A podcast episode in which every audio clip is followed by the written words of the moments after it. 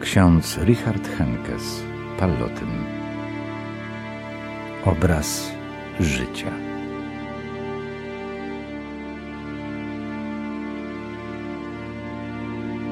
Czyta Zbigniew Moskal.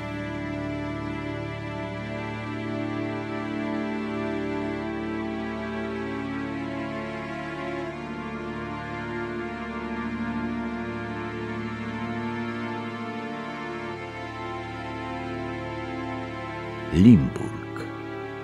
To dom misyjny Pallotynów, który wspólnota założyła w tej małej siedzibie biskupiej nad rzeką Lachm w roku 1892.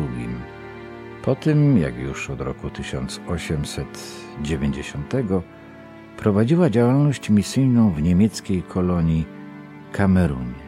Misje potrzebowały osobowego i finansowego wsparcia. Dom ten był pierwszą siedzibą wspólnoty, która narodziła się w latach 30. XIX wieku z inicjatywy rzymskiego księdza Wincentego Palottiego. Podstawą inicjatywy było poczucie odpowiedzialności wszystkich ochrzczonych za wiarę i Kościół. Pallotti miał stale na uwadze pogłębienie i ożywienie wiary ludzi oraz działalność misyjną. Na tym zagadnieniu koncentruje się początkowo działalność wspólnoty w Niemczech, co w pełni pokrywało się z odczuciami i priorytetami niemieckich katolików zafascynowanych ideą misyjną, stanowczo wspierających też organizacje misyjne. W następnych latach wspólnota misyjna rozprzestrzenia się z Limburga nie tylko do Kamerunu, dociera także do Australii, Afryki Południowej, Ameryki i Polski. Dom misyjny w Limburgu zaopatruje nie tylko misjonarzy z zewnątrz, ale troszczy się także o młodą kadrę na miejscu. Tu znajduje się nowicjat. Tu są warsztaty kształcenia braci.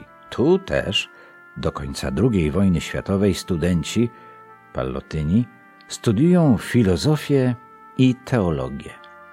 Tutaj też 24 września 1919 roku ma miejsce ceremonia obłóczyn Richarda Henkesa. W tym miejscu kończy dwa lata nowicjatu i cztery lata studiów. Tu składa swoje pallotyńskie przyrzeczenie. Tu otrzymuje święcenia kapłańskie. Zewnętrznie okres limburski wydaje się okresem spokojnym, Wewnętrznie jest on jednak dla Richarda Henkesa trudnym czasem. Richard Henkes nigdy nie był nazbyt uzdolnionym uczniem. Filozofia natomiast sprawia mu, jako studentowi, ogromną radość. Również z teologii otrzymuje dużo lepsze stopnie niż kiedyś w okresie szkolnym. Życie we wspólnocie satysfakcjonuje go, a i strony rodzinne są w pobliżu. Henkes Człowiek należący do wspólnoty jest zawsze w stanie czymś zaskoczyć. Pewnego razu pielgrzymuje ze swymi kolegami z roku do kościółka maryjnego w Wirzenborn koło Montabaur. Wszystkich ich zaprasza niespodziewanie do swego rodzinnego pobliskiego Ruppach. Jakże ogromne musiało być zaskoczenie jego matki, która nagle miała zaspokoić głód i pragnienie dwudziestu trzech wędrowników. Richard Henkes cieszy się zaufaniem wśród przełożonych. W innym razie nie zleciliby mu napisania wspaniałego wspomnienia pośmiertnego o ojcu Salzuberze. Henkes miesiącami opiekował się tym śmiertelnie chorym młodym księdzem. Często z nim rozmawiał. Podziwiał jego hart duszy i dlatego też mógł wszystko trafnie opisać. Dzięki temu, że Richard Henkes w listach miał sposobność wyrażenia swych wewnętrznych rozterek znane są nam dzisiaj jego problemy okresu limburdzkiego. Może dawały się jeszcze we znaki głębokie przeżycia z krótkiego okresu żołnierskiego podczas I wojny światowej. Być może napawało niepewnością tego nowicjusza to, że to właśnie ów ojciec, który zachęcił go do pallotynów, opuścił teraz wspólnotę i ożenił się. Richard Henkes należał do tych pallotynów, których zalicza się do pierwszej generacji uczniów ówczesnego ojca duchownego seminarzystów, Józefa Kentenicha. Z tego kręgu powstał Schenstadt, krąg ten miał silne więzi, szczególnie listowne, ze swoim przewodnikiem. Niepostrzeżenie limburski student Henkes prowadził z sobą wewnętrzną walkę. Usystematyzowane życie wspólnotowe nie było chyba dla niego zawsze łatwe. Surowe wymagania stosowane w Schenstadt przez duchownych przełożonych coraz bardziej doskwierały ograniczanej wolności. Walczył ze swoją zmysłowością. W listach opisywał problemy związane ze swą cielesnością i tęsknotą za miłością. Wymiar ludzki miał wpływ na sferę duchową. Ten dotychczas pewny swego Boga młody mężczyzna cierpi coraz mocniej na wewnętrzną pustkę. To, co przechodził, musiało być okropne, gdyż Henkes przez pewien czas nie chce żyć. Prosiłem śmierć o pomoc. Pisze o swojej drodze przez ciemność. W Limburgu prawdopodobnie nikomu się nie zwierza. Pomocy szuka w listach do Schenstadt. Czy dążenia do wolności tego młodego studenta były dla ojca Kentenicha nie do przyjęcia? Czy ojciec duchowny nie rozpoznaje cierpienia duszy swego byłego ucznia? Nie bierze na serio życzenia śmierci tego młodego mężczyzny, ponieważ podobne myśli w takiej fazie życia nie należą do rzadkości? Tego nie wiemy. Nie znamy żadnych listów będących odpowiedzią na listy Richarda Hankesa. Do spotkania też nigdy nie doszło. Wydaje się, że ten uwielbiany przewodnik duchowy bardzo mocno rozczarował Richarda. To, czego ten przyszły ksiądz doznał, będzie kształtować jego własną posługę duszpasterską. Gdy duszpasterz nie zgłębia potrzeb ludzi, gdy nie traktuje tych potrzeb poważnie, to wtedy tak naprawdę nie można pomóc. A w przypadku ich odrzucenia dochodzi nawet do zranienia oczekujących pomocy. To dotychczas tylko raniło, nie leczyło. Richard Henkes wyciąga wnioski, które dla ojca Kentenicha były z pewnością bolesne.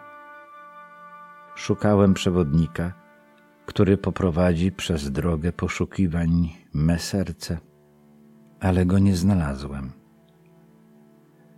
Pozostanie dystans. Również w Dachau.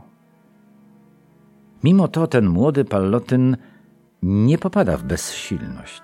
Jest w stosunku do siebie uczciwy. Pisze Właściwie przez całe swoje dotychczasowe życie rozmyślałem i stale szukałem wspólnych płaszczyzn pomiędzy ideałem a życiem i nigdy ich nie znalazłem. Przełamuję się. Chcę słuchać głosu Boga, odczuć Jego działanie. Powraca znowu do sił i mimo wszelkich wcześniejszych przeżyć przystępuje do święceń kapłańskich w roku 1900 25. W tymże roku Teresa z Lizie, święta Teresa od Dzieciątka Jezus, zostaje ogłoszona świętą. Ta młoda karmelitanka zdobyła miejsce w wielu sercach, nawet wtedy, gdy jej pamiętnik Dzieje Duszy pojawił się w przeredagowanej formie w handlu. Jakby nie było, stanie się ona wielką świętą młodzieży lat dwudziestych. Jej wewnętrzna głębia duchowa i poszukiwanie Boga robią wrażenie. Jest patronką misji, czym pozyskuje sobie zainteresowanie w kręgach pallotynów. Nie wiemy, jakie jej dzieła i co o niej Richard Henkes czytał. W jakim stopniu w jego wewnętrznym przekonaniu opuszczenia przez Boga pocieszało go wyrażane i opisywane przez nią podobne odczucie. Wiemy tylko, że umiejscowił na swoim obrazku prymicyjnym zdjęcie i maksymę świętej. Och, jak ja kocham Matkę Bożą. Gdybym stała się księdzem, z jakim zachwytem bym o niej mówiła.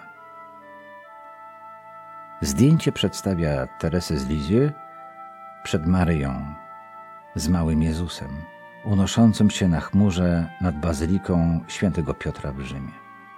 Ten obrazek prymicyjny pokazuje dosadnie, jak wielkie znaczenie mają dla niego z pewnością w różnym stopniu Kościół katolicki, Maryja, a także święta Teresa. Maksyma świętej Teresy podkreśla szczególną pozycję Maryi i nie jest to zadziwiające, gdyż Matka Boża, przypuszczalnie już w jego domu rodzinnym, musiała odgrywać znaczącą rolę.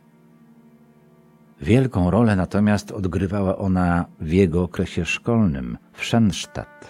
I mamy tu do czynienia z czymś zaskakującym – podczas gdy na pamiątkowej fotografii jego rocznika z seminarium widnieje obraz Maryi z Schendstadt, Richard Henkes wybiera dla siebie zupełnie inny motyw. Pomimo iż w okresie młodzieńczym w wielkim stopniu wykazywał pobożność maryjną, mimo tego, jak bardzo ta duchowość maryjna kształtuje jego życie, on nie skupia się tylko na jednym obrazie. To prawdopodobnie właśnie jego mroczne doświadczenia nadały wielkość jego pobożności i duszpasterstwu.